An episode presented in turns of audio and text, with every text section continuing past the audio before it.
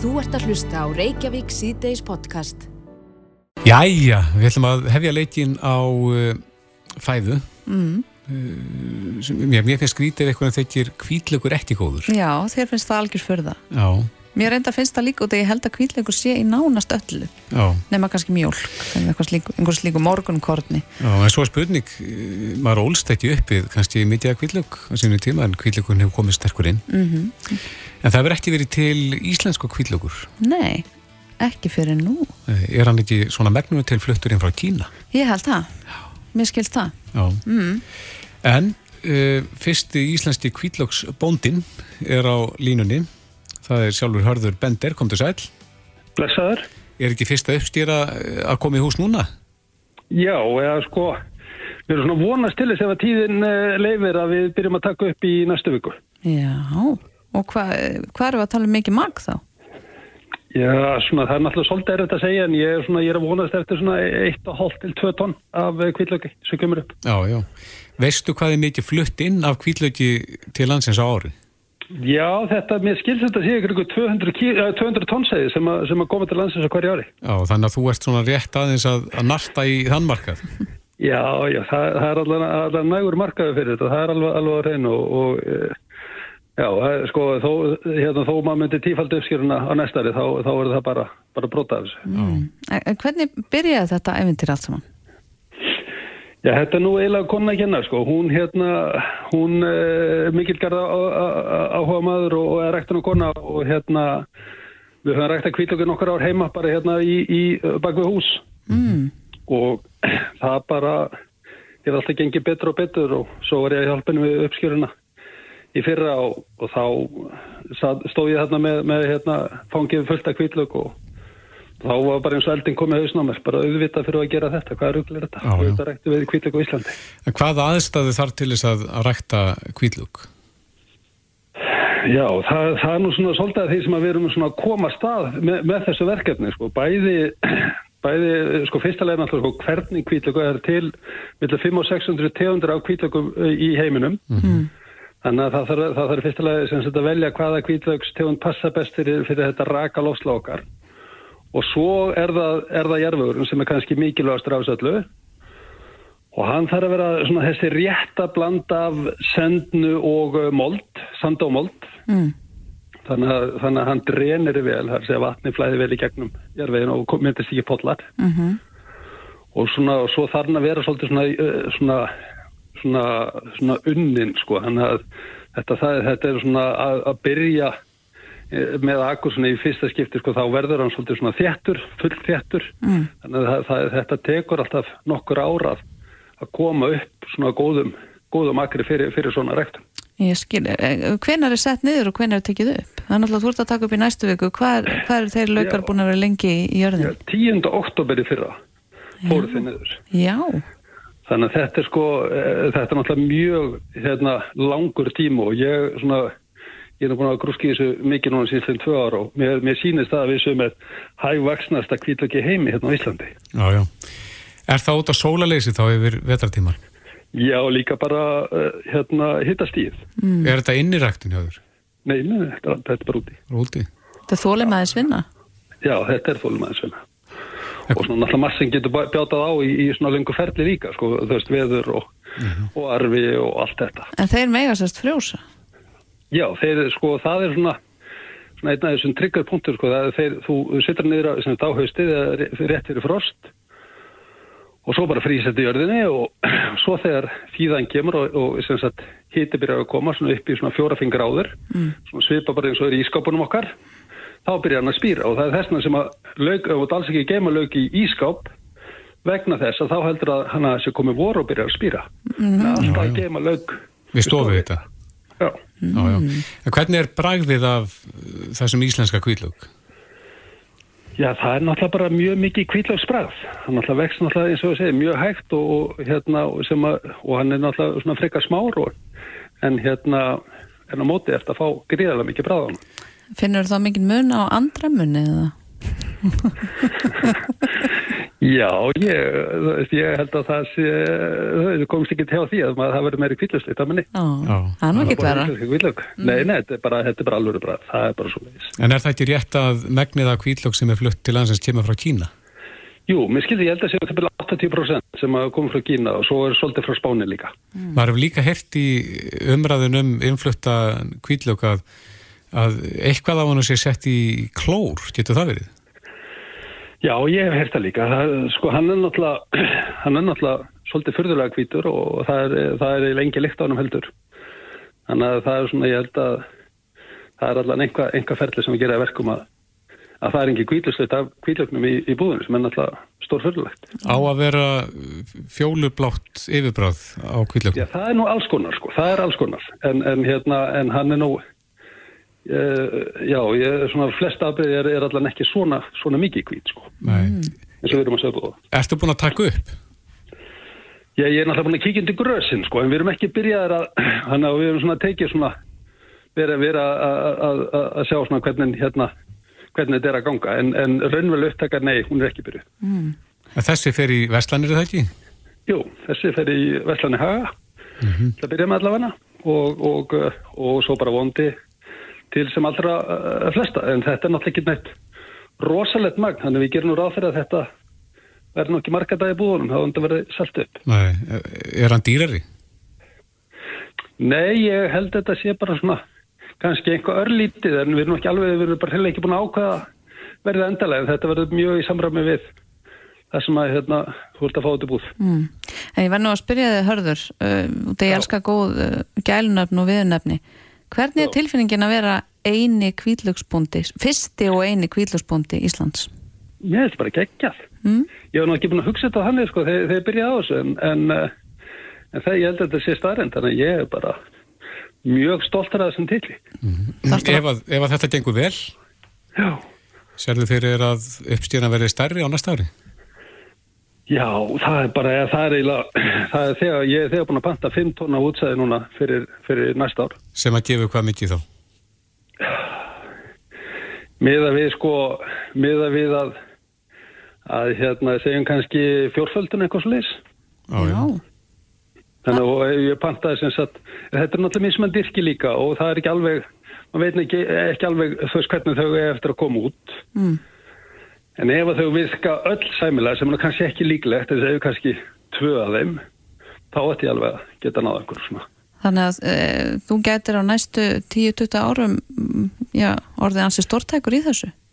Já, ég vona það. Ég, ég er náttúrulega, náttúrulega stefna að því að, að, hérna, að gera, og það er takmarki, að gera Ísland sjálfbært af kvítlaug og, og, hérna, og, og svo bara vona maður að, að aðri bæ- bændur hangi með og, og fari í laukrektun líka, Mm eins og gullauk og rauðlauk og sliðis. Og hvenar er von á þessum kvítlög alí íslenska í Vestlanir? Og það er, ef við tökum upp í næstu viku, þá uh, hérna, kemur til maður þurkan í svona viku tíu daga og svo bara verður hann beint í búðir. Já, flott er, gott Það er að vita það. Eins gott að maður drífi sig þá til þess að næla sér í, í ferskan kvítlög. Já, maður er að pröfa þetta allavega. Já, ég held það. Uh, Hörðu Bender, fyrsti og eini kvítlögsbóndi Íslands, takk kærlega fyrir spjallið. Já, takk fyrir að ringja. Bless, bless. Bless. Þú ert að hlusta á Reykjavík C-Days podcast. Við öskum áfram hér í Reykjavík síðdeis. Heldur betur. Mm, Stýttist í kostningar það gerir það. og eitthvað nefn finnst manni eldri borgarar svona meira ábyrrandi umræðinu núna. Já, einmitt og reyndar kannski líka fyrir fjórum árum. Það sem kemur upp fyrir kostningar og, og ég þannig ekki allir sammála um hver staða eldri borgar á Íslandi er í raun og veru. Nú í Silfrinu um helgina. Þar kom eldri borgarar við sögum Mm og þar var talað um uh, stóregnaskatt Einmitt.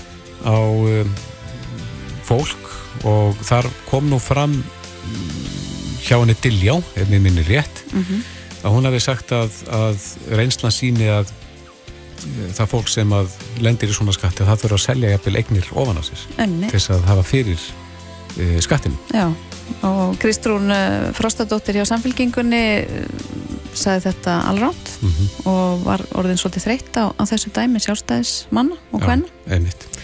En spurningin er, hver er raunveruleg staða þessa hóps? Væntanlega er hún misjöfn en svona almennt talið Helgi Pétursson formaður landsambands eldriborgar er á línu, kom til sæl Komið þess að. Já, hver er staða eldriborgara í dag? Já, það er góð, það er góð spurning. Sko, e, við erum bara partur af, af þjóðinni, sko. Það er eins og, mér finnst ég að enda, eilíflega að vera að taka þetta fram. Við erum bara partur og eðlilegu partur af þjóðinni mm -hmm. og erum auðvitað eins mörg og, og mismunandi og í mismunandi stöðu eins og við erum mörg. Já. Þannig að, að það er allt mögulegt til. Sumir hafa það skýtt, aðri hafa það bara fínt. Mm. Alveg, eins og, alveg eins og gerist alls það annar staðar.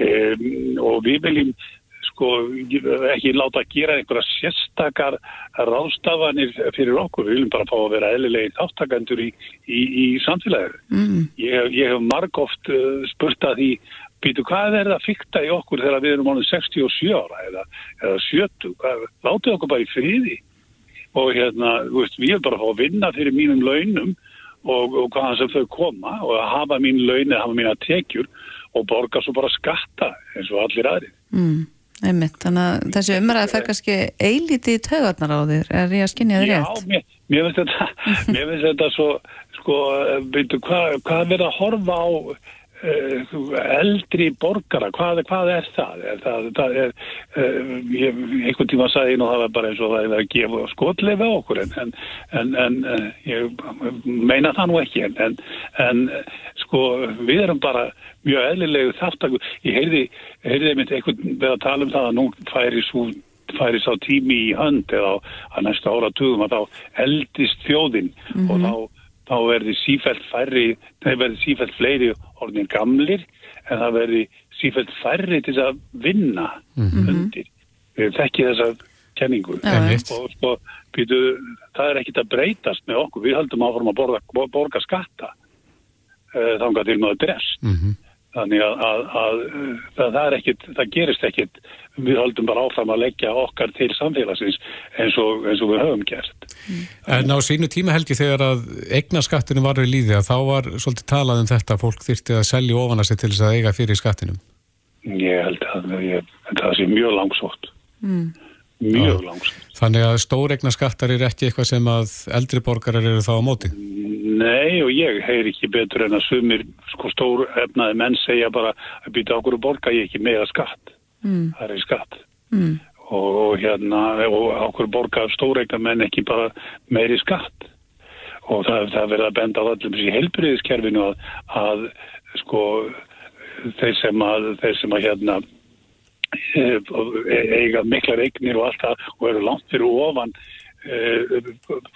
segja mörkin, mm -hmm. lífeyristöku mörkin e, þeir, þeir fara líka sko inn í helbriðiskerfið og njóta það að slotta og allt mögulegt Mm. eins og, eins og aðrir sko það sem að, að hérna þeir sem að eru sko versettir þeir jáfnvel get ekki veitt sér helbriðistjónustu Mm En, en, en hva, hvað er það sem svona brennur á, á þessum hópi? Þó ég kunnu allavega við að kalla þetta hóp eftir hérna eftir byrjun á þessu viðtali. En núna er, núna er fyrir þessa kostningar og fyrir síðustu tala mikið um eldri borgara.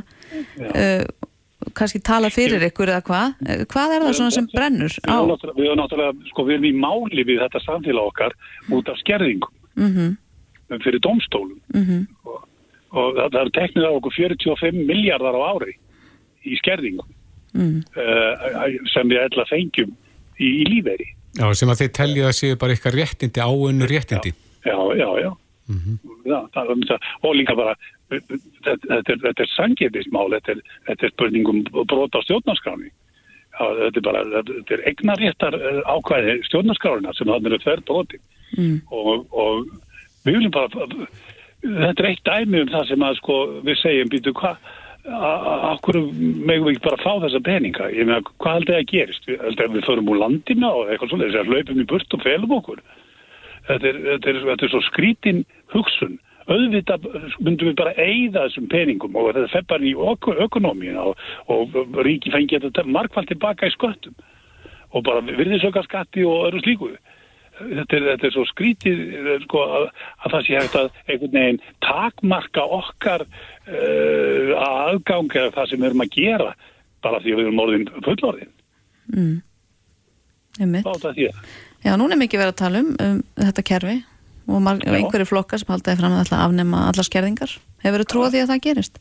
Já, ég minna, sjálfstæðisflokkurinn fyrir kostninga 2013, mm. þá, þá sendi Bjarni Ben út, send, sendu þeir út, eða sjálfstæðismenn, sendu út bref til, til fólks um það að meðal annars er skerðingar allar afnumdar. Mm -hmm.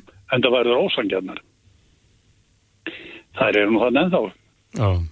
Þannig að þið treysti kannski illa lofarinn stjórnmálamanna rétt fyrir kostningar? Við, við sko spórin hræða og hérna við erum búin að fara núna allan hringin og við erum búin að tala við allt þetta fólk og -hmm. horfa í augun á þeim og, og þau hérna þeim finnst þetta náttúrulega allt rosalega ósangjant og illa með okkur farið og allt það en eh, ég veit það ekki. Rétt aðeins í lókin helgi, er það færast í vöxt að fólk sem er komið á eftir laun, að það flíti úr landi, það búi svona bróðupartin af árunnu og annar staðar heldur en á Íslandi?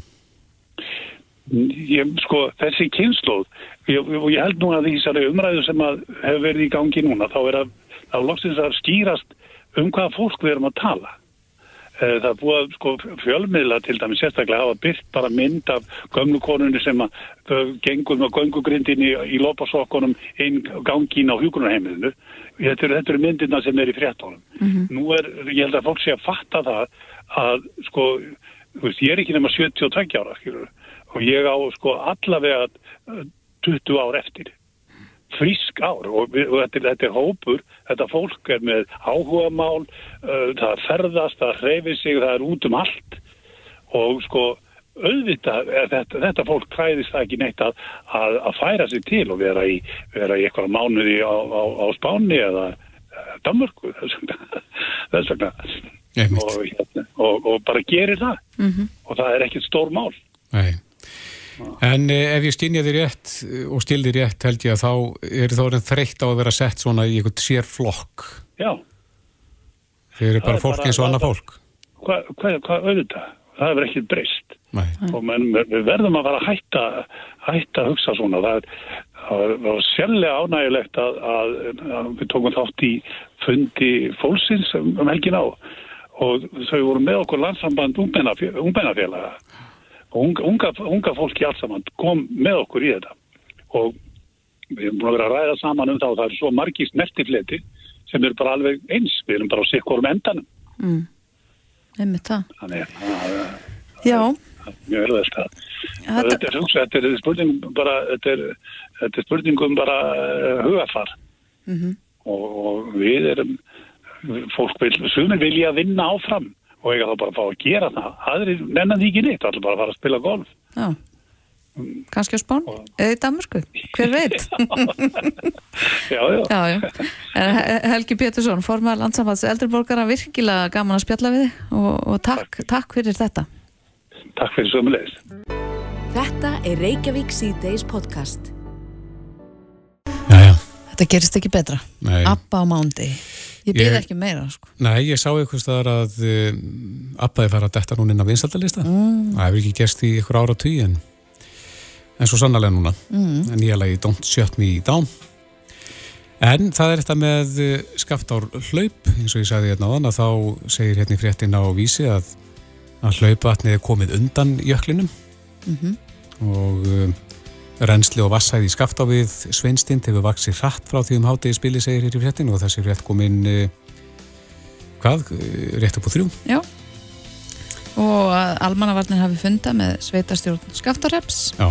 Það sem ákveði var hvaða vegum þurft að loka og hvaða bæi þurft að rýma. Já, Björn Ingi Jónsson, verkefnastjóri almannavarn á Suðurlandi er á línni, kom til sæl Komið sæl. Já, hver er staðan akkurat núna? Já, nú er, nú er svo eins og því að öll hlaupið er það má áallega komin í elda þetta er svona cirka tíu tíma mm -hmm. og svo í framaldri neyður undir þjóðveg og, og allir líkið til að ferða að vatna yfir svona einhverja vegi hann frá mm. á þessum tíma Bætið í lágtjæslu á svæðinu núna? Já, við erum komið með sólarhingsvakt á svæðinu frá með, byrjum á því frá með í morgun og verðum það fram yfir þannig að löpið er orðið komið niður aftur mm -hmm. En hvað með leita fólki á svæðinu? Er, er verið að ná til ferðamanna? Það er ekki neinn leit í gangi en við, við byggum til svona GSM-kyrðingu svo kallar. Við tókum ákveði svæði sem við sendum út á alla sem er innan þess svæði SMS skilabóð og upplýsum um stöðuna og, og byggjum það um að, um að fara til byggða eða koma sér niður. Mm. En hvað, hvað með rýmingu á, á svæðinu?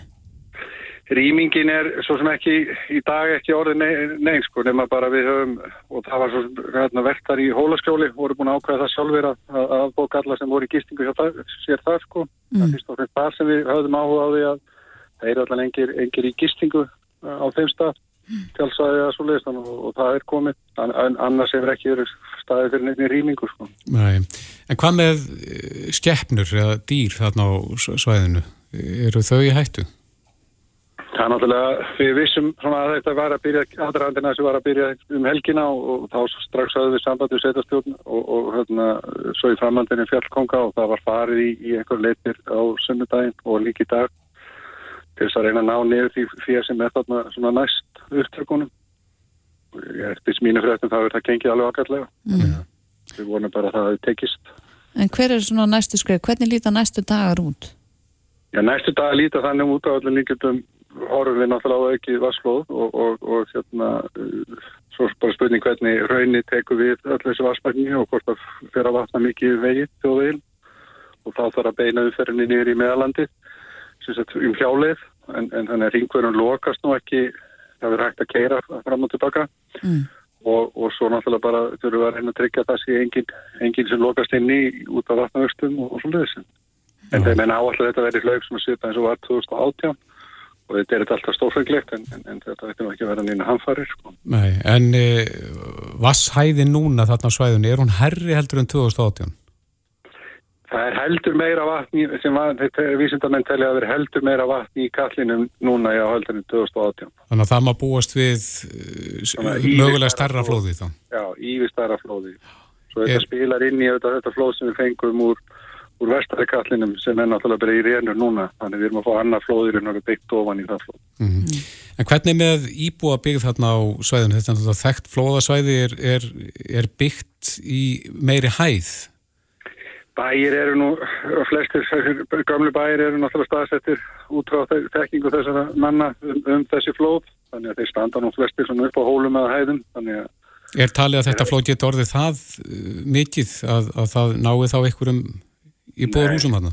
Nei, ekki. Það getur komið náttúrulega veg, vegi heima þeim og svo leiðis en, en, en veintilega ekki, ekki valda tjóni á húsum. En hvernig er hljóðið í búum á svæðinu? Ég held að alltaf jafna sé bara þeir takið sem er skattfæslis þeir hóvarð og, og séu bara rólegir. Já, að geð? Jafnaða geð, eins og þeim er einum vonu að vísa. Mm -hmm. Það er gott. En eh, búist þið við að það hætti þarna eh, vatnið hægt og rólega eða mun þetta komið í einhverjum guðsum? Þetta ge gerist svona, já, þetta gerist svona svolítið hratt en, en samt ekki, ekki flóðbylgi. Nei. Það verður svona nokkuð örstígandi en, en, en ekki samt flóðbylgi. Nei, hvað með brennisteinsmengun á svæðinu? Alltaf svona hlaupi fylgir alltaf einhver brennisteinsmengun en hún náttúrulega er sterkust uppið upptökinn þar sem þetta er fyrst að koma undan í ökli og svo, svo, svo týnist hún náttúrulega út. Þannig að og menn þurfa bara að hafa varan á sér eða finna fyrir einhverju einhver erting í öndunavegi eða augum sko. En, eh, já, en svona náttúruhanfæri geta líka haft aðdráttarafl? Já, vissulega, við þekkjum það náttúrulega mjög vel. Já, þannig að þið... Við segjum öll að margt, margt og ekki vilja skoða þetta fylgjast með þessu. Einmitt. Ráleitið fólki frá því að vera að mæta svæðið? Já, við höfum lokað þarna ákveðinu vegum, þannig að það er, er ekki mjög mikið, það er ekki greiðfært að komast þarna upp eftir allan eins og á meðan að hlaupið er í svona við erum að fá það í fangið og mm. svo verður bara að sjá hvernig það rennur úr því þegar það líður aðeins frá. Þannig að það var einbeittan vilja til þess að berja þetta um og ég held að mér sjá þetta sem, þessi, þessi flóð og sjá menn svo sem alveg bara neðan á þjóðvegi og, og svo mm. leiðis Og við getum líka fylgst með beinum útsendingum á, á netinu. Já, svo er það þessi fína teknóri þannig að mann er að setja fljótt upp myndaðalur og sína þetta Það er öðrukasta leiðin Það er örugasta leiðin, já. já, já, já. Björn Ingi Jónsson, verkefnastjóri Almannavarn á Suðurlandi. Takk kærlega fyrir spjallið og gangið þér allt í hægin. Takk fyrir það. Reykjavík síðdeis á Bilginni podcast. Jæja, Reykjavík síðdeis á Bilginni. klukkan er halv sex og uh, við ætlum að snóða okkur á pólitíkinni, það eru kostningarnar. Já. Eins og við endum hérna fyrir þættinum að þá er, má segja, spútnik frambóðið fyrir þessa kostningar eh, sem er að koma með látum inn á sjónasviðið, er að fá allt upp undir 10% í konunum, mm -hmm. ekki svona 8-9%. Mm. Sósialistaflokkurinn og hún er komin til okkar svo sem að skipar fyrsta sæti á lista sósialisti Suðvestu kjörnani, Marja Pétursdóttir, velkomin. Takk fyrir það.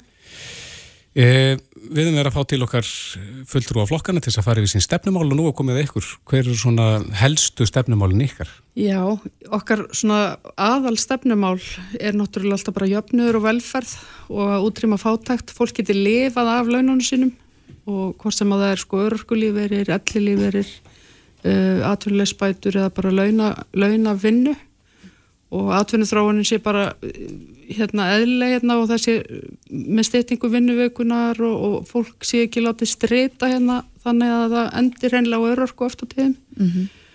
þannig að við viljum alltaf bara útrýma þeirri lálunastefnu sem hefur verið hér og útrýma þessu byli mellir ríkra fátakra sem við sjáum bara aukast bara út um allan heim núna undarfarið í, í undarfarið svona 20-30 ár mm. Svo viljum við, hérna, bjóðum við fra, hérna, líka bara fólki upp á svona skilirislausa grunn þjónustu í raunni og það er í formi ókipis helbriðiskerfis, það er alls ekkit ókipis núna þó, fólk, þó það sést oft talað um það þannig, uh, náttúrulega út með bygglistana samfellu í þjónustuna, uh, börn sem að verða fullorðin, uh, dett ekki út einhvern veginn, uh, húsnaði fyrir alla, við viljum byggja 30.000 íbúðir næstu tíu árin, mm -hmm. í formi félagslegs húsnæði sem að fólk getur þá uh, eignast annarkvort í gegnum kaup eða, eða leikt og hérna og fríar samgöngur um, enga vegtalla eins og sumir vilja mm -hmm. um, Hva, Hvað meinir með fríar samgöngur? Er, bara, það, bara... það, það verður bara ókipis í borgarlinuna á strætó og fólk, ég minna í dag er þannig að mér sé sko falla fólk er að borga 20.000 að ég vil fyrir ferðarðunstu fallara mm. þetta er bara, okkur finnst þetta óbáðilegt með öllu og fólk tala nú stundum um sko hérna að, að við ættum að vera með hérna skilirsleisa grunn hérna innkomi eða eitthvað svo leiðis en, en okkur finnst bara maður þau þurfa að byrja að byrjunni og vera með skilirsleisa grunn þjónustu en það bara sparar fólki heilmikið til að byrja með mm -hmm. mm. En fyrir ekki að maður, þið, þið talið þarna um jöfnuð, það er að segja í launum Já er til eitthvað sem heitir svona eðlilegt launabíl? Þess að þeir sem eru búin að menta sig og, og ganga að menta veginn? Ég held að, já, ég, ég held að sko við erum alltaf búin að vera að sjá alveg rosalega óeðlilega launathróun hérna síðustu áratögina og þessi ofurlaun svo kalluð og það er ekkert sem að bara, ef maður er með eðlilega svona siðferðisveitund, þá er ekkert sem að segir að það sé neitt eðlilegt við þessi ofurlaun og ég menna við sáum hvernig þetta líka þróaðist sko og endaði hérna í bankarhunnu og svo er þetta einhvern veginn byrjað að þróast aftur svona svolítið mm. og ég held að við getum alveg bara bakkað aðeins og skoða sko, þú veist ég menna hérna áður fyrir var kannski alveg eðlilegt að kennarar og þingmann væri með sömu laun og í dag er það náttúrulega bara enga veginn svo mm -hmm. þannig að að launabilið með ég alveg vera mun mun minna Já, það, það sem að, það hefur verið talað um uh, ofurlaunin sem að hafa nú mm. aðalega verið þá í engadýranum í fjármáli fyrirtækjum, vil ég þá setja eitthvað þak þar eða? Við viljum náttúrulega bara fyrst, fyrstalega setja þak á sko ofinbera starfsmenn, við, sem, við, við ráðum því ekkert hvað engadýrin gerir, mm. það getur svo sem gert það sem hún sínist þannilega en bara að, að svona uh, ríki og, og stopnarnir eins og ofinbera fari ekki að taka þátt í þessu, það, ég held að það sé svona aðalmálið mm. og svo náttúrulega bara skattkerfið við erum með líka hérna, svo sem áherslu á það líka við viljum lækka skatta og, og bara vennlegt fólk og tekjulega og það er bara þannig uh, við veitum það að á síðustu svona 30 árum og þá hefur orðið alveg gífuleg skatta tilfæsla þannig að hérna til dæmis fólk sem var með lagstu launin og örkubótum og slikt var nánast skattlust mm -hmm en er núna kannski skatturinn á það búið að hækka um eitthvað 25% á meðan hann hefur lækkað á þá ofuríku. En vil ég þá beita hækka þá persónáslottin eða vil ég lækka skatta? Við viljum bara bæði sko viljum, og, og hækka bara hérna náttúrulega eins og bætur hann að hækka grunnlíferi mm. og ellilíferin og allt þetta og, og, og taka burtu þessar skerðingar uh, láta skattkerfi svolítið bara vinna sagt, í þessum málum, láta skattkerfi vera það jöfnumtæki sem það getur verið. Viljið þið hækka skatta á ykkur? Já, við viljum hækka skatta á þá ríkun. Og hver, hver lítja mörgin þar? Er. Uh, mörgin þar geta það, þetta er náttúrulega eitthvað útfæslu atriði líka, einhver teknileg útfæsla sem að, sem að hérna mætti skoða líka í framhaldinu en, Lækka skatt á lægstu launin en, en, en hvar sko... Já, bara skattlaus lægstu launir en ef þau, ég tala nú ekki með þau að vera eins og þau eru í dag mm -hmm. minna öryrkir er að fá innan við 300.000 á mánuði En hverju mætti þá búast í skatta hækkun þar að segja bara, þeir sem er að hlusta núna? Við, erum ekki að nei, við erum ekki að tala um fólk sem á kannski eina, eina uh, góða uh, eign, skilur við erum að tala um eitthvað fólk sem að, hérna, er að uh, kannski fjárfesta og, og, og, og gamla með peninga mm -hmm. og hérna og á kannski ég minna það við erum með fólk hérna sem að sko er með bara sko maður hættir eiginlega að sjá upphæðinar þegar það eru orðnar vist háar þá er þetta orðið bara Þannig að tekju hæsta fólki þá viljið það Við erum að tala um tekju hæsta fólki sem að, sem að hérna, bara veit ekki öru svona tal En e, e, sáskattur á þá tekju herri mm. e, mun það e, greiða fyrir e, ykkar baráttum á? Skilirslösu þjónustuna Já.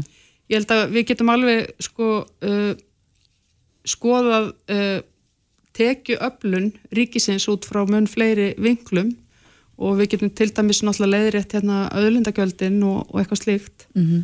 þannig að hérna við, þetta er eitthvað sem við þurfum bara að tækla út frá, ýmsum vinklum.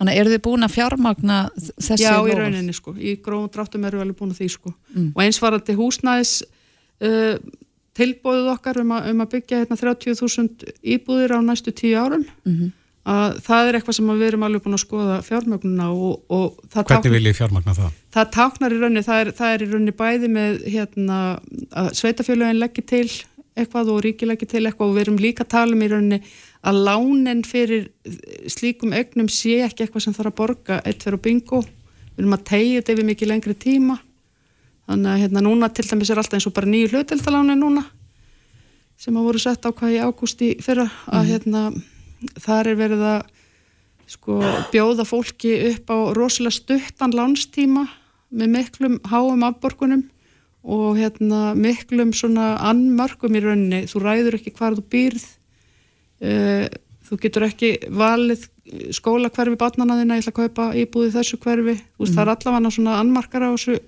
þessu nýju lánum. Og fátakasta fólki hefur, sko þetta á að vera fyrir fátakasta fólki og unga fólki en fátakasta fólki hefur ekki efna á þessu. Mm veist, bara öryrki kemist aldrei í gegnum greiðslumát til að fá hlutaldalan en, en af hverju er ekki búið að útrýma fátætt á Íslandi? Já, það er stortu spurt Hva, mm. ég held að það sé ekki við sem að hérna ættum í raunin að svara því nema kannski bara að því leitum til að hér hefur sko sjálfstæðsflokkurum verið við völd í hvað, 25 ára síðustu 30 eða eitthvað svo les mm. og hérna og þeir eru alltaf náttúrulega verja hagsmunni hennar ríku þannig að meðan svo er og meðan að hérna, við byggjum ekki upp bara stert vinstri afl og að því við hefum verið í rauninni og það er kannski það sem við erum að gera núna líka við erum að náttúrulega bara svolítið að byggja upp vinstrið aftur mm. vegna þess að það er laskað eftir bara samstarf uh, samfélkingarinnar og vinstri græna alltaf með uh, hægri þessum hægri flokk okkar eða mm. flokkum mm -hmm. Hérna. Hafið þið útiloka samstarfið einhverja flokka? Já, við hefum útiloka samstarfið það sem við kallum auðvaldsflokkana eða kapitalsku flokkana sem eru hverjir? sem er sjálfstæðsflokkurinn og miðflokkurinn og viðreist þannig að Hvað væri þá eh, drauma samstagsflokkur? Ég held að við getum alveg unni með góðu fólki í, í samfélkingunni og, og pyrutum og flokki fólksins og og hérna, ég vil fram svona flokknum sko. Mm. En nú hafa heilbyrðismálinn verið ofalega á bögi Já. Hvað viljið þið gera varandi þau? Varandi heilbyrðismálinn mm -hmm. Við viljum alltaf bara fyrst og fremst að heilbyrðiskerfið sé ókipis, að hér sé ekki verið að leggja göld, pínu, pínu göld á, og ekki, menn það er ennþá verið að leggja göld á fólk og örurku og ég þekki það nú vel sko því að ég er sjálf örurki og hérna, maður er að fara í lifekju eða endalingu eða eitthvað og maður er alltaf að reyta af sér einhverja blóðpröfur, 2000 kall, mm -hmm. Úst, maður er alltaf að reyta af sér einhverja smá peninga hér og þar. Þannig að þó að það sé svona talað um þessa greiðslu meðvetund sko ég, hún er mér gjörsanlega óskilinleg ég skil ekki hvers vegna sko uh, fólk sem á ekki sko bara getur ekki lifað að laununum sínum og næri ekki endur saman þarf að hafa einhverja meðvitund um hvað það kostar að fara til læknis. Mm -hmm. ég bara næs ekki. Þannig að við náttúrulega viljum útrýma þessari hugsun í helbrískerfunu líka Vil ég þá fría helbríðstjónustu fyrir alla? Já, algjörlega Óháð tekjum Já, óháð tekjum svo náttúrulega, hérna, já, já, algjörlega þetta er bara af grunn þjónusta sem á að vera bóði fyrir alla landsmenn mm. Ég mynd Mér langar svo að spyrja þig þó að sé nú ekki eitt af stefnumálunum af hverju ert þú hér, af hverju setur þú hér hvað var til þess, hvað kveikti í þér að fara í frambóð? Að fara í frambóð? Mm. Ég er náttúrulega ekki komið inn í starf sósaldaflokksins bara í gær sko, ég er náttúrulega búin að starfa með sósaldaflokknum uh, síðan 2017 og búin að vera að megna til formaður uh, málumstjórnar sósaldaflokksins við hefum verið þrýr formar flokksins og ég er sérst einn af þeim.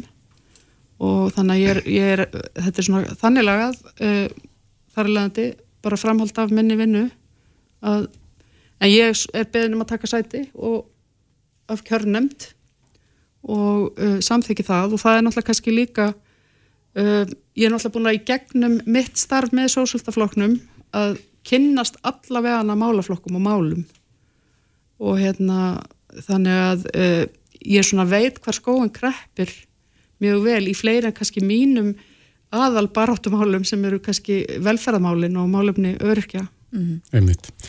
En var ég rétt eins í lokin eins og við sögum hérna að þið eru svona svolítið spútnik flokkurinn í þessum kostningum. Ertu bjart sín á að þið náið mönnum inn á þing? Já, ég er bjart sín á það. Ég held að við mönnum ná fólkin á þing. Ég held að það sé ekki spurning og við erum að bara sjá alltaf æg fleiri svona, já uh, koma út með það að, að þeir bara eru búin að fá sér full satt, satta á, á spillingu og, og, og hérna ójöfnuði í þessu samfélagi mm. og segjum að, að þetta rætist allt saman hvað er fyrsta máli sem að þú mynd uh, setja fram á alþingi? Ég er nú ekki alveg búin að hugsa svo langt sko. Er það ekki komið jónfráraðina? Ég er ekki komið jónfráraðina ég, ég er svolítið hérna í deginum í dag bara. mm. Mm þannig að hérna, ég veit það ekki alveg en hérna, ég held að ég held að svona mitt fyrsta mál væri, yrði öruglega tengt í að afnema starfskeitumat sem að er byrjað að innlega á þess að þessi sagt berum orðin mm -hmm. Marja Péturstóttir í fyrsta sæti á lista sósialista í Suðu Vestutjörnami, kæra þætti fyrir komuna.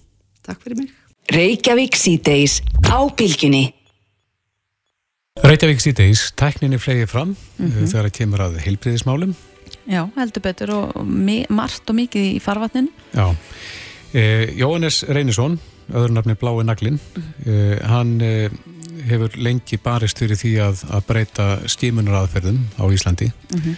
til þess að grýpa þá sem að greinast með krabaminn fyrr. Nú Jóhannes er á línu, kom til sæl Góðan daginn bæður Já, þú vilt nýta uh, gerfigreindina meira til þess að, að grýpa krabaminn sjúka fyrr Já, nákvæmlega. Það sem ég er að sína núna á, á Facebook síðan minni er, er gerfigrind varandi ristilspeiklun. Þannig að gerfigrindin er að lesa ristilin um leið og sá sem er að speikla og þannig að, að hérna, þetta er tekni sem er, að, er komin. Býtu, stýrði þetta aðeins út fyrir okkur. Þannig að það er gagnagrunnur með þá myndum Já, það er gagnargrunni sem er sem byggir á 13 miljóna mynda mm. og þegar, er, þegar sá sem er að spekla sjúklingin mm -hmm. einstaklingin að, að þá greinir gerðugreindin lesir í stilin alveg eins og, og eins og læktinni gerir mm -hmm. nema að, að hann skráir gerðugreindin les og skráir þannig að, að það verður gæðaskráning sagt, í leiðinni til mm. Þannig að þessi tækni sem er að koma er líka góð fyrir þann sem er að borga raunverulega endalega reikningin sem er ríkið mm -hmm. og þetta er að koma, mun koma fljóðlega bara líka í, í brjóstónum en það sem ég er bara að sína hvað er að koma Koma til Íslands þá? Já, það er koma til Íslands Mm. þetta er búið að vera að kynna þetta hjá meldingafæralæknum og skurlæknum sem er að spekla og þetta er, verður ekkert langtanlega þetta verður eh, einn af hérna, þetta er eins og einn góður hérna meldingafæralæknir sæði að þetta er eins og að fá góðan sérfæðing sér við hlýna Mm. En uh, fara þá allir inn í þennan gagnagrunn, þannig að þeir sem er að fara þá, færu þá í ristilspeglum í dag, þeirra myndir fara þá í þennan gagnagrunn á samt öðrum myndum. Ég, þeir, sko, þetta er, nú er, nú er þetta bara spurning hvernig, hérna, hvernig þessu verður tekið þegar, þegar annars er sjúkratíkin hvað þeir vilja gera og, og svo uh, meldinga fara læknar og, og þeir sem er að spekla. Nú hlýtur að koma einhvern tíðan punkti að, að þegar þessi tæknin komin og, og menn vita það að, að hvað ætla menn að gera. Mm. Þannig að hún er að koma til Íslands en það er engin áallin um hvernig á að nota hana? Eða hvað? Nei, það er ekki þetta er það nýtt að menn hafi verið að skoða þetta og, og það sem ég er bara að sína hvað er að koma. Mm. Einmitt. En þú sýnir hvað er að koma, uh, það er verið að nota þessa tækni í löndunum í kringum okkur í dag? Já, þetta, þetta, er, að- þetta, er, þetta er byrjað.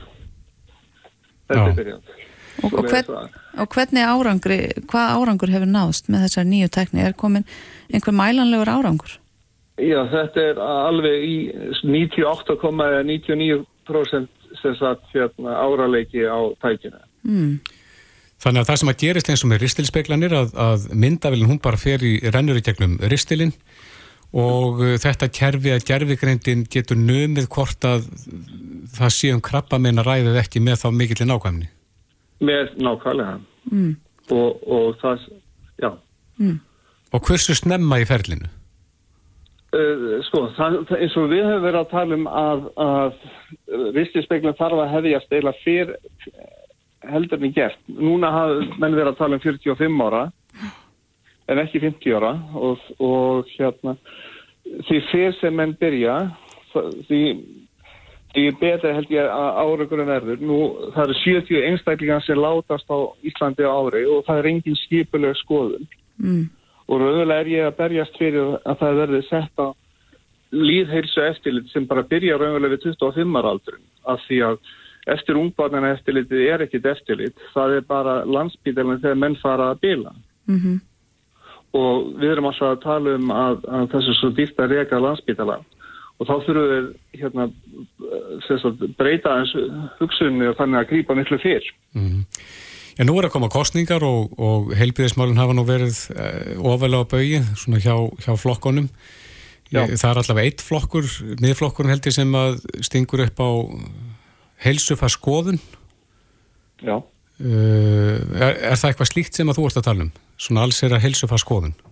Já, ég, sko, ég er bara að tala um að menn fari í- við 25 aldurinn að þá bara er, er eins og, eins og uppæðið þegar krabbaðinsfélag var stopnað fyrir 70 árum að það var að byrja að skoða blóð, þvag og sögur Mm. og nákvæmlega sama taka nákvæmlega sama kindilinu, byrja aftur að, að það verður bara að byrja að snemma af því að ef við gerum ekki neitt, ef við höldum bara nákvæmlega sama sem við gerum gert þá lendum við í, og við erum koni í, í bullandi vandamal út af, af rekstrum og spítalan af því það hefur ekki verið gert neitt að viti Mm. En, en, en þar þá kannski ekki aðeins nýja tekni heldur kannski nýja hugsun eða nýja nálgun á þessi mál Al, algjör, algjörlega, þess vegna er, er ég að vera að messa að þingmenn þurfi að koma á alveg líðhelsu áætlun, þar sem krabbaminn er bara innan líðhelsu áætlunar. mm. Viltu koma þessum málum á kortið fyrir kostningar? Viltu Já. þetta verði eitt af kostningamálunum? Já, ég var, að, ég var nú bara, ég verið að heimsækja flokkana núna og, og hérna, ég var í fransunarflokknu í morgun og, og ég var að messa yfir þeim þar og þeir eru algjörlega sammála þessu. Mm. Að það þarf að þetta, að við þurfum að þess að staldra við, viljum við hafa þetta eins og þetta er búið að vera eða viljum við fara að breyta og við þurfum að breyta þessu. Já, akkurat. Já, þetta getur bjarga mannslífum eins og þú segir ef að það er gripið fyrr inn í. Og gerfigreindin hún er á leiðinni til landsins. Við skulum sjá hvernig henni verður tekið hér. Jóhannes Reynisson, Blái Naglin, takk fyrir þetta. Þakka ykkur, bara takk. Reykjavík síðdeis á Bilginni podcast. Reykjavík síðdeis heldur áfram og síðustu vikur, mánuði, ár mm höfum verið ákveðni byltingu. Já, á samfélagsmiðlum, fjölmiðlum, umræðinni allri um ofbeldi. Og þar hafa sprottið fram allskins frásagnir sem hafa þurft að liggja einhverstar undir niðri, kannski svo árum skiptir. Og þessar sögur geta skiljanlega vakið upp allskins hugrenningatengsl hjá þeim sem hafa orðið fyrir ofbeldi. Og spurningin er hvort það séu margir að núti núna sem að heyra þessu umræðu Mhm. sem að eru síðan endur upplifa eitthvað sem að kom fyrir þá í æsku Mhm. eða fyrir einhverjum áran síðan Það er að segja, er þetta að kveikja á einhverjum uh, við slettum aðeins triggerpunktum hjá fólki Mhm. við að heyra þessu umræðu núna Einmitt. og hún uh, hefur orðið ansi harðvítug þessu umræða upp á síkastið Já, og skiljanlega vekur hún upp allskins tilfinningar Já. og stundum getur kannski getur sum fundist erfitt að fóta sér þessar umræðu Mhm. en uh, Hulda, Tölgjes, Hulda Jónsdóttir Tölgjes sálfræðingur er mætinga til okkar að ræða þessi mál Kontur sæl Hæ. Er þetta ekki svoleiðis að, að það eru margir sem að svo við slettum eh, vegna skorts á betra orði triggerast? Jú, það er algjörlega þannig og, og einmitt, við eigum kannski ekkit annað betra orð, kveikjur er svona íslenska orðið en, en við tölum bara um að triggerast og það er bara, það er rauninni rosalega eðlilegt að fólk sem hefur orðið fyrir ofbeldi triggerist við svona umræðu, þetta er einhvern veginn allstaðar núna. En, hvað er það nákvæmlega að triggerast? Það, þetta er í rauninni viðbröð taugakerfisins uh, við einhverju sem að það kannast við, sem að það hefur upplifað áður og taugakerfið er í rauninni að vara okkur við. Mm. Það er að segja, heyrðu, manstu, hérna, manstu hvað þetta var vond, við viljum ekki svona. Mm. Og þá verðum við kvíðin, döpur, reið, leið, í rauninni bara tilfinningarnar okkar fara af stað. Og það er í rauninni á að gerast en það er rosalega óþægilegt. Og það gerist hjá þólendum kannski meira hjá þólendum sem hafa ekki fengið aðstóð við sínum kannski áfallastreitu einkennum eða í rauninni einkennunum sem verða eftir eitthvað ábeldi á sér stað uh, frekar heldur en þeir sem hafa fengið tækifæri til þess að vinna með vandan Mm. uh, en samt er líka eðlilegt að fólk sem hefur verið að vinna í sínum málum triggerist Mm. Er þetta það sem að stundum er kallað áfalla streitur öskun? Uh, í sumum tilfellum já. Uh, og fólk í rauninni greinist oft með áfallastreitur öskun í kjölfar til dæmis þess að hafa verið beitt ofbeldi. Og það er það getur verið rosalega hamlandi og trublandi vandi og, og eitthvað sem við þurfum að taka alvarlega. Og nú erum við að sjá hversu margi þólendur er að stíga fram og hvað þetta hefur verið rosalega algengt að fólk hefur verið beitt ofbeldi uh, bara síðustu ára tugina þetta er að gerast á hverjum degi. Og uh, það sem að mér finnst einhvern veginn ekki kannski öll átt að segja á er hvað þetta er alvarlegt og hvað þetta getur valdið hlutum eins og miklum kvíða, vanlegan þunglindi, lág sjálfsmati og skerðingurunni á lífsgæðum fólks. Og svo er staðan þannig, ég verða að fá að taka það fram að það er forréttinda fólk sem getur sótt sér sálfræði aðstöð á Íslandi Mm. þannig að við erum með fullta fólki sem er að díla afleðinga þess að hafa verið beitt ofbeldi sem fær ekki sjálfsað helbriðstjónustu nema það í penning Mm. Er ekkert að leita til stjættafélag og slíks? Það er hægt en í rauninni er sálfræði meðferð og sálfræði meðferð við áfallastreitu eða flókinni áfallastreitu sem eru endurtíkni áföll og áföll í æsku sem að margir eru með uh, það í rauninni myndi aldrei dekka tímana sem fólk þarf. Og það þarf oft uh, margra mánaða meðferð. Stundum tekur þetta mörg ár.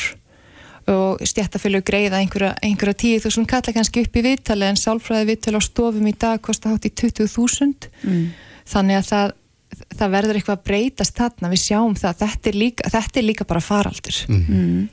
Já, það En- hefur mikið verið rætt um þetta en kannski minna gert í því. nákvæmlega og það er svo erfitt að sjá það og ég sem sálfræðingur og sjálfstæð starfandi mér finnst ekki gott að geta bara aðstofa fólk sem á pening Mm. mér finnst það rosalega ósangjast Mhm. En eh, finnur þú fyrir því þegar að svona umræða blossar upp eins og núna að, að það leiti fleiri til þín? Já og ég held að sálfræðinga finni það almennt og það er, það er, það er líka sprakk svolítið í COVID en það má líka nefna að það var líka sprenging í heimilis ofbeldismálum og ofbeldi ekkert börnum í COVID. Þannig að hérna já og það eru, staðan breytist hjá sálfræðingum þannig að núna er sumstar margra mánaðabið það var kannski nokkra vikna byggð uh, og sumstaðar bara ekki hægt að komast að. Mm. kannski byggð í tíu mánuð og ef þú ert með manneski sem að líður alveg umurlega uh, þá er það bara alls ekki góð staða. Auðvitað er hægt að leita til geðdeldar og slikt og það er alls konar í bóði mm -hmm. en það, það, staðan þarf að vera miklu, miklu betri til þess að við getum aðstofað þólendur En varðandi þessa tryggara sem er margslungið uh, dæmi og kannski getur við ekki tæmt það, það hér á þessu stutta tíma en getur verið að það sé ekki engungu frásagnir sem tryggari uh, þólendur heldur líka bara orðræðan í umræðinni Nákvæmlega, þetta er svo góða punktur vegna þess að svo margir þólendur ok, það er eitt að vera beitt ofbeldi. Svo er svo margir þólendur sem eiga reynslu af því að hafa verið beitt ofbeldi og ekki trúað hafa ekki fengið stuðningin sem þau þurftu, jáfnvel verið útskúðar fjölskyldum vinnahópum vin á vinnustöðum vegna þess að þau voru þólendur mm -hmm. uh, þá í rauninni er svo eðlilegt að þetta fólk tryggirist til dæmis við að lesa hérna, uh, kommentarkerfin vegna þess að þarna er þetta eiga sér stað núna. Það er verið að tala um að fólk sé bara að reyna að kút pening og, og konur séu aðtiklisjúkar og maður langar að skjóta inn að það er engin að leika sér að því að greina frá ofbeldi og berskjálta sér svona og hvað það er fjölumvelum. Ég menn þetta er bara brjálaslega tryggjand fyrir fólk og fólk er oft mjög erfitt mm. þegar það ekki stíður svona fram eins og þessar konur sem hafa verið að stíga fram núna mm. og trúlega hurakkar. En, en auðvitað, einmitt, getur líka verið tryggjandi að horfa til dæmis á fólki áhrifastöðum í fjölmvelum uh, verið raunin að smætta og gera lítið úr og nexlast á umræðinni vegna þess að það sem fólk ætti að nexlast á er ofbeldið mm. staðan sem að í rauninni við búum við í dag að konur eiga hættu, konur og, og, og kannski önnur kyn um, önnur kyn en kalkin, svona í mestu hættu á að vera beitt ofbeldi það er vandamál sem er óþægilegt að tala um en það er þúsund sem er óþægilega að verða fyrir ofbeldi heldur hann að tala um óþægilega hluti mm. þannig að jú, fólk triggerast við umræðina einmitt, þegar fólk er að smætta gera lítið úr segja í rauninni að hérna, já, ég menna, fólk myndi aldrei segja ef, hérna, ef ég myndi greina frá því að það hefði bílkyrt hérna, klest á mig og leina hinga bara nei bara aðtilsjúk, skiljiði mm. mm. En uh, er þetta breyta umræðu hefðinni? Sko ég vil ég myndi vilja að við myndum að fyrstu viðbröð okkar væru að trúa þólendum þegar þólendur stígu fram. Vegna þess að það hafa allir nógu tíma sinna að gera. Og það fólk er, það, og rannsónu sína það líka rosalega lítil prósandi, ég held þetta sé innan við 1% af fólki sem er að ljúa til um það að hafa verið beitt ofbeldi þannig að í rauninni bregst mjög stór hluti við og nú hef ég aðeins skoða kommentarkerfin þó ég ætti ekki að hætta mér í það bregst í rauninni við því að bara í 90% tilfella bara að trúa ekki mm. þannig að ég myndi vilja sjá það að okkar fyrstu viðbröð væru heyrðu hvað gerist hér, ég er að hlusta mm. þú átt orðið mm. Mælur með því að fólk sem er í þessari viðkvæmi stöðu bara sleppi því að lesa komment uh, Já, ég ger það oft vegna þess einfallega að sko stundum líður fólki bara algjörlega ömulega og ég, ég lendi oft í þessu með bara minn, minn skjólstæðinga hóp uh, og hef fundið fyrir því að fólk vill í rauninni og það þarf að hjálpa fólki að fá bjargráð hvað ég gera þegar ég tryggirast svona og hef fengið í rauninni að heyra frá fólki bara ég get ekki verið á Twitter, ég get ekki verið á Instagram ég get ekki lesið hérna, fréttamela mm -hmm. og þá segir bara, sko núna þarfst þú bara að hlúa að þér, nú er bara hérna, alla leið gera það sem nærir þig kúplaði út, verið kringum fólk sem þú elskar, út í náttúrunni, reyfaði allt þetta. Mm -hmm til þess að róa tökjörfið mm. sama hvort að fólk hefur verið í rosalegri meðferð ekki, það er engin í raunni prófsteit, já nú erstu búin að vera í svo miklu meðferð að þú ætti bara að vera góð, skiljið þú ætti ekki að tryggarast, það er aldrei þannig. Mm. nálgast að meira mildi. Nú ertu sálfræðingur, mér langar samt aðeins að spyrja þig út í það sem kom upp í umræðinni í sumar varðandi uh, dómskerfið okkar mm -hmm. uh, og að það sinni þessum málum ekki nóg vel, við sjáum það bara svart og hvítu hvort uh, að það væri heppilegri leið að hafa einhvers konar sáta uh, meðferð sem einhvers konar millistig frá tilkynningu í sáta meðferð uh, svo tekin ákvörnum hvort að mál þurfa að fara inn í dómskerfið mm -hmm. og að einhver mál getur verið útkljáð í þessari sáta meðferð er það eitthvað sem að þú hefur einhverja sérstakar skoðanir á. Og það nú getur verið mjög erfitt krefjandi langtferðilega að fara í gegnum dómskerfið. Einmitt og mikið álag fyrir, fyrir þólendur sem skilar náttúrulega oftast ekki miklu. Mm. þannig að mjög margir þólendur segja bara ég tristi mér ekki í kæra, ég tristi mér ekki í þetta ferli og er rauninni bakka bara. Mhm.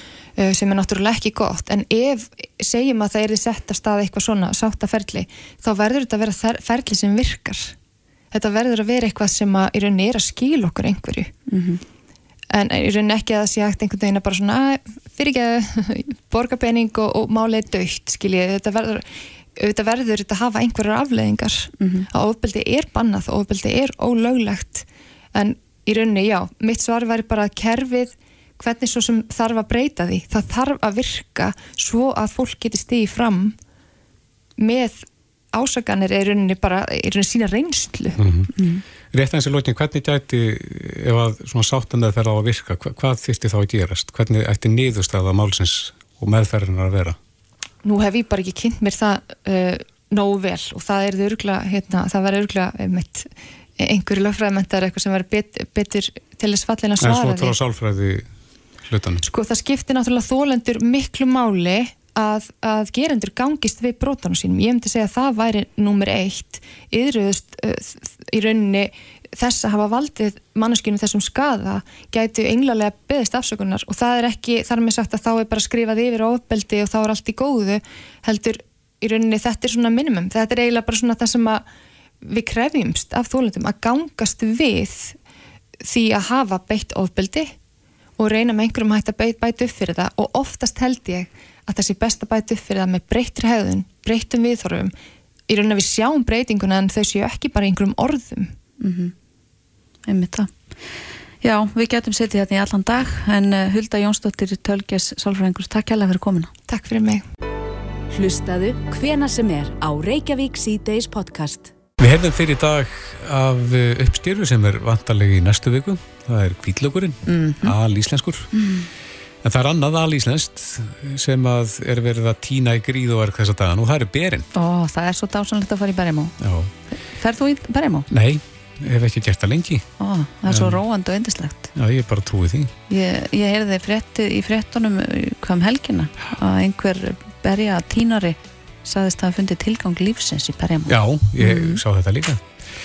En uh, menn tala líka um að gæðuna sem ég skipt, þar, þar sem að blíðan hefur verið í sömara, þar eru menn að tala sumstæðum bara tröllabir Jú, á meðan að það er skortur á þeim annar staðar. En uh, við erum komið með á línuna, sérfræðingin í Berjum, það er Bjarni Óskarsson hjá, á völlum í Svarfaðadal, ber, Berja búinu, komdu sæl. Sæl, komið sæl. Já, gæðunum er viðskiptið það ekki. E, fyrir norðan, þar e, heyrum við tala bara um tröllabir. Já, það er búið að vera alveg náttúrulega einstakt, einstakt sumar hjá okkur. Já, Þannig að, og ég á sérstaklega eftir að koma að einhverju daga núna, ringdi aðeins að þá tókuðu kík, sko. mm. Það voru náttúrulega, það voru, það voru aðeins svona þjást á fylki og svo voru við náttúrulega hrættu það líka að það er frist þannig voru því að við vorum með nætufrost alveg bara um miðjan júni. einmitt. Það hefur ekki haft áhrif. En svo, já, einhver áhrif hefur verið haft, en það eru samt ber, þannig að við erum búin að fá alveg, alveg hellinga flottum berjum, bæði aðarblóburum og krækiberjum. Já, það er flott Hvor- Hvort er, er vinsælli? Bláberin eða krækiberin? Aðarblóburin eru nú vinsælli, Mm. þau eru það. Krækiberin eru líka ákveðin ofurfæða, þannig að, að hérna, við erum mikið að, að, að pressa þau í safa sem við seljum í búðinu hjá okkur. mm. Mjög vinsælt og það bara safin af berjunum, það er engin síkur eða neitt, þetta er alveg bara ótrúlegt eh, efni. Já, en þið kaupið ber af þeim sem að týna, uh, hefur gangverðið á berjum eitthvað breyst? Nei, það hefur verið bara svona svipað og undanfærin ár. Þannig Já, að það er, og við reynum bara að halda sem við verðum hjá okkur og þannig að, að hérna, já, það er bara mjög svipað. en hvernig fyrir berja tímabilið að stað núna? Er, er eitthvað munur á þessu og, og síðast ári? Það fór af stað bara fyrir um, um ánægumótin, sko, það er svona fyrir að stýttast í, í það sem bara búið. Já. Um leið og það fristir? Sko. Já, það er svona hætt við því að uh, við fyrstu nætufrost allavega svona á lálendi sko. En það getur verið að sleppið á einhvers staðar ofar í fjöllunum. Mm. En, en uh, við erum búin að fá alveg ógrinna að berjum og, og, og erum að selja ber bara til fólks. Já. Já, sendið ekki um all land, ég sá það ekki staðar. Jú, jú, jú, jú, við gerum það. Mm. En það náttúrulega kostar að senda með flutningabíl en, en uh, ja, fólk, fólk lætur þessu sem ekkert standi í sér sko. Það leggur ímislegt á sig. En það kvílir náttúrulega oft mikið leind um góð berjasvæði.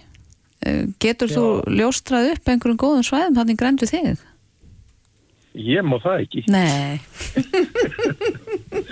Nei, nei, ég, ég, sko, ég er nú er bara svo upptekinn í því að framlega úr berjónum og, og stúsa með þau. Ég fer aldrei í berjum og sjálfur orðið, sko, þannig að hérna, nema bara nýra á solberrakkurum minn og svona, Já, og þau eru að koma vel út líka, sko. já, já. En er fólk að hafa svolítið gott upp úr þessu að koma með berin til ykkar? Já, fólk getur haft bara mjög gott upp úr því og, og ef þau eru dögulega að dýna þetta náttúrulega hörku vinna Mm en þau eru að fá, við erum að borga þeim sem sagt uh, já, við erum að borga 1600 krónar á kíló fyrir hreinsuber Já, fyrir hreinsuð. Þið, þið sjáðu ekki um að hreinsa eða hvað? Nei, við höfum bara ekki tíma til þess Nei. Nei.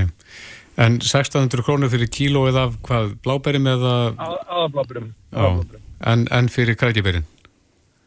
það er svona helmingurinn af því cirka Mm. Já. Hver er nú stærsti reikningu sem þú greitt? Hver- Hversu stórtækir eru menn í að týna? það eru nokkur undir þúsund Ha? Já, sem að fólk hefur týnt fyrir. Já, já. einmitt það. Það er nokkuð vel að það vikið. er ofta duglegustu það er svona kannski verið að borga þeim svona já, 5-600 þúsund fyrir tímabilið Er, er þetta alltaf sama fólkið sem er að týna eða? Já, þetta hefur verið saman fólki og við svona eh, stöndum svolítið treyðu því það er þessar konur sem er að týna fyrir okkur og, og erum þá helst ekki að kaupa að mikið flerum Mm. þó komið fyrir, við erum bara fólk sem hefur verið að selja okkur í gegnum tíðina, við svona bara stöndum með þeim og, og tryggjum það að, að kaupa ef þeim ber ef þau týna Já, akkurat. Þú tala nú eitthvað til um, ég við tala við okkur að, að það var í svona draumur að við sjálfum okkur næg þegar kemið að berjum Já. og innflutningi, hvað, hvað erum við að ná að framlega mikið af markaðnum eða fyrir markaðin? Meinar við af, eins og af, af þessum viltuberjum? Já, sultum og, og slíku. Já, við erum náttúrulega bara, það er eitthvað brota brot, sko. Mm. Þetta er krækibir í helviti. En það er samt, ég segi það ekki, en það er, sko, samt sem áður er ákveðin vakning í þessu öllu saman. Við erum að framlega mikið að sultum úr, úr okkar berjum, bæði sem við ræktum og, og kaupum vilt. Við erum að rækta jarðaber og hindber og bromber og, og sólber. Og síðan kaupum við krækiber og aðbaber og, og erum að selja þetta í lítil vestlun hjá okkur á völlum. Mm. Bæði í öskjum og svo sendum við fólki svona, þú veist, ef það er að panta í, í kílóavís, þá sendum við söður eða, eða östur eða vestur eða hvert, hvert sem er bara. Akkurat. En tímabilið er núna og, og nú fer hver að vera síðastu. Við veitum ekkert hvenar fristir. Nei, það er okkur máli og það er búið að vera, þetta er búið að vera bara núna rúmum mánuðu sem við höfum verið að fá ber. Já. Við erum alveg vel byrg af, af góðum berjum og, og við náttúrulega bara fristu þau líka svona á öðrum, öðrum degi eitthvað svo liðis þannig að, að, að, að þá eigum við frosinn fersk ber. Mm. Einmitt. Bjarni Óskarsson, berjabóndi hjá berjabúinu völlum í Svarfaðardal. Uh, bara bestu kveðju til ykkar og, og kæra þætti fyrir spjallið. Já, takk sem. Bless, bless. Takk fyrir okkur. Takk, bless. Þetta er Reykjavík C-Days podcast.